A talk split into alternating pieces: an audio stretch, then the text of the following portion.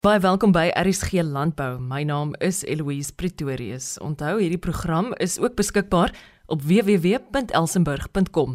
Dr. Johan Strauss is senior navorser by die Wes-Kaapse Departement Landbou en kenner op die gebied van volhoubare produksiestelsels, asook bewaringslandbou. Hy gesels vanoggend oor opwindende navorsingsprojekte wat die departement onlangs van stapel gestuur het en wat vir 2022 beplan word. Ons bekyk ook die rol van aardwurms in wisselbouproewe.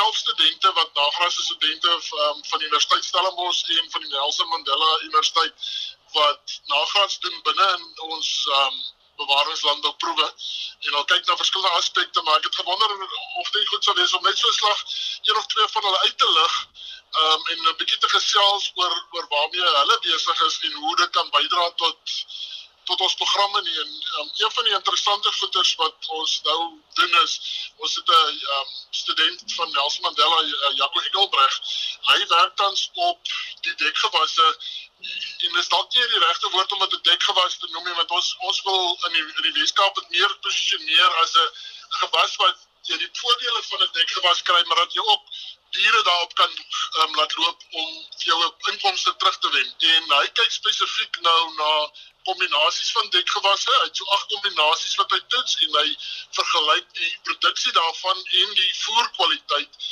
met die soort van kom ons sê die kontroles te um, bewydings in in uh, in die Weskaap veral in die Swartland wat medics is of skoon hawer hy is nou tans in sy tweede jaar en die voorlopige resultate van die opbrengs komponent van sy studie wys duidelik dat daar baie potensiaal in die kombinasies van dekgewasse versus die die twee kontrolestelsels in die produksie. So hier van die 2 en 'n half maande merk af dan begin daai kombinasies onder die medics in die hawer uitbeweeg. Maak ons baie opgewonde vir die vir die toekoms van dit. En dan wat ons ook begin sien uit hierdie produksiegoeders uit is dat daar lyk my daar's dekgewasse kombinasies wat jou vroeg sal kos gee en dan ander wat 'n bietjie langer vat om om die biomassa te maak om vir jou lekker kos te gee. So wat dit maak is dit maak eintlik 'n potensiaal dat 'n ou twee of drie soort van kombinasies op jou plaas sou kon oorweeg as 'n weiding en dit dan so maak dat jou voervloei lekker deur deur die jaar gaan. Jy kan dit selfs dan bietjie stagger vir op verskillende tye plant om vir jou om jou om my kos nog verder uit te sprei en jy so self van dit as 'n staande hooi kon los wat jy dalk deur die somer in die Weskaap kan dra. So ons kyk daarna nou. In terme van die voedingswaarde, dit is nou nog nie regtig um, antwoorde vir die mense nie. Um, ons is nog in die proses met al die ontledings met COVID en goeie soos van die labs baie agter met hulle ontleding. So sodra ons al daai goed bymekaar het, sal ons lekker goeders daaroor kan sê. En dan het ons 'n meisietjie aan met die styl sy werk op aardwurms. Ons het dit goed gedink om 'n slag te kyk waar staan ons in terme van erfwurms in die die wisselbou en in die bewaringslandbouproewe? En of daar verskille is tussen sê maar die die swartland en die suidkaap? En wat is die tipe erfwurms wat ons kry? Is dit inheemse is dit uitheemse spesies? En so sy besig sit al drie mo monsternemings geneem deur die seisoen wys dat daar definitief groot verskille tussen die suidkaap en die swartland is in terme van getalle en dat daar selfs um, verskille tussen stelsels is. So sodra ons dan nou al die ondata ontleed het, sal ons um, goeie antwoorde daarin kry.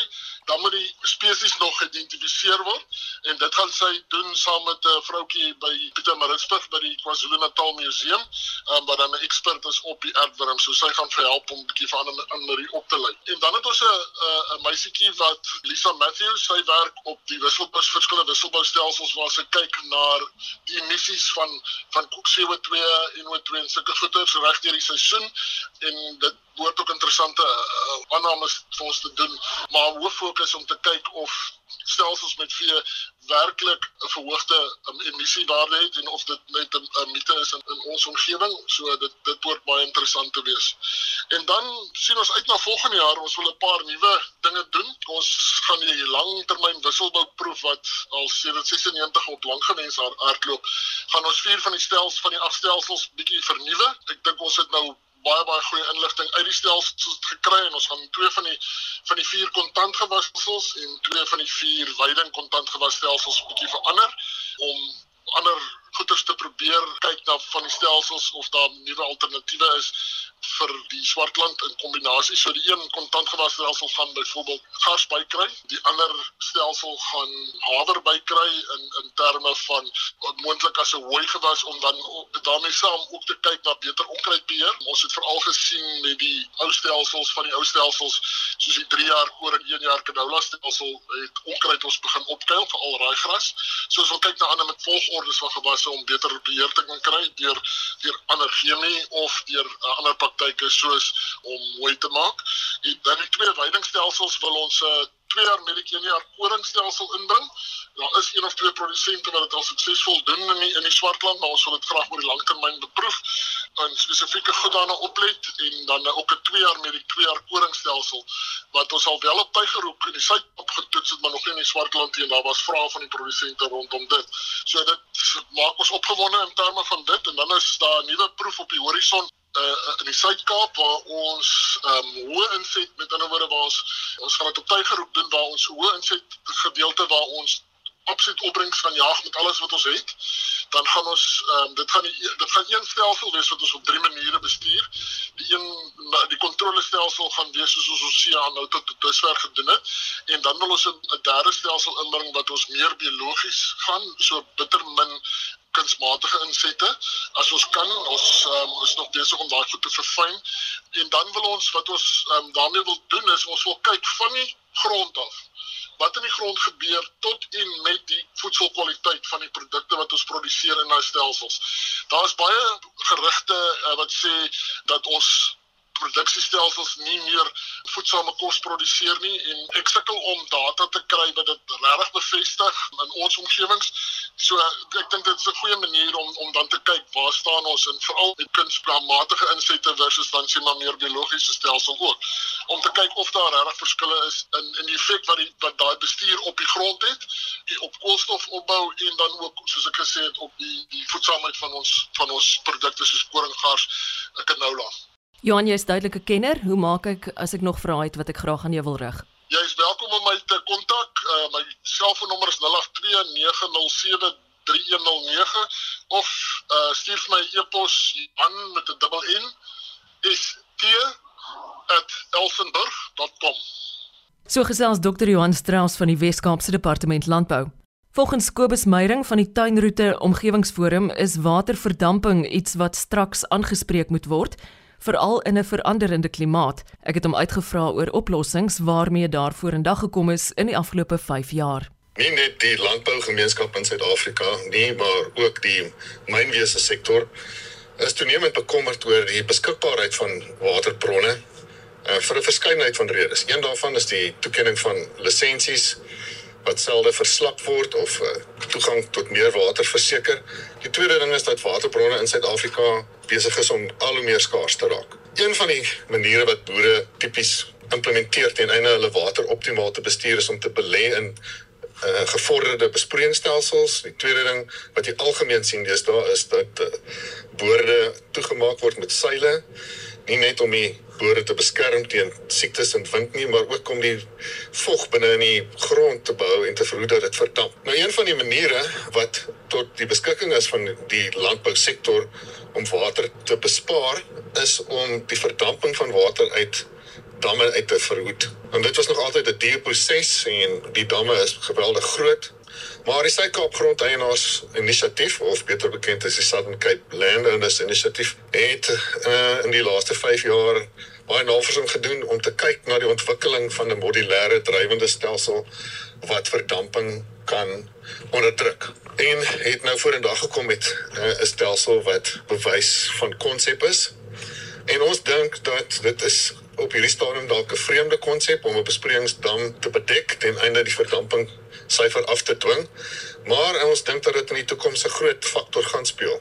Boere wat se damme tipies 3 meter diep is, sal vind dat afhangende van waar die dam geleë is en die faktore wat 'n rol speel in verdamping baie maklik um, kan veroorsaak dat 'n dam van 3 meter diep twee maal per jaar totaal gedreineer word net as gevolg van verdamping. So onder omstandighede en waar dinge heen gaan in Suid-Afrika is dit dalk net een van die oplossings wat boere tot hulle beskikking gaan hê. Dit dan Kobus Meyering van die Tuinroete Omgewingsforum. Konrad Skutte is bestuurder van konsultasiediens by die organisasie Winpro. Ek wou gesels oor die huidige stand van sake in Wes-Kaapse wingerde. Algemeen het ons 'n baie goeie winter gehad met goeie koue. So die wingerde het goed gebot en uh omdat hierdie gronde dan nou kouer was weens die goeie reën het ons gesien dat die wingerde plus minus 7 tot 10 dae later as normaal gebot het. So om hierdie groei wat ons nou sien te akkommodeer, doen ons 'n paar praktyke wat ons noem rowerbestuur. Die eerste een is 'n uh, suieraksie. So suier beteken net ons los die uh, lote met drywe op op die draers wat ons gesnoei het en ons verwyder dan die waterlote tussen die draers wat meestal nie drywe het op het nie ja, weg sodat al die groei en energie in die goeie lote kan ingaan met drywe in. Dit word natuurlik gedoen meestal op kwaliteit en hoë inkomste wingerde wat voorkeur kry vir suieraksies.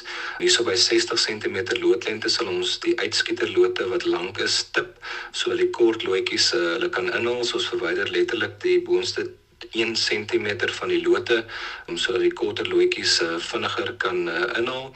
En dan tussen 45 en 60 cm sal ons dan nou ook die lote insteek uh, in skuifbare loofdrade om die lote vertikaal te posisioneer binne in die uh, opluistelsels of eerder die breelstelsels dan is ons ook besig met siektebeheer.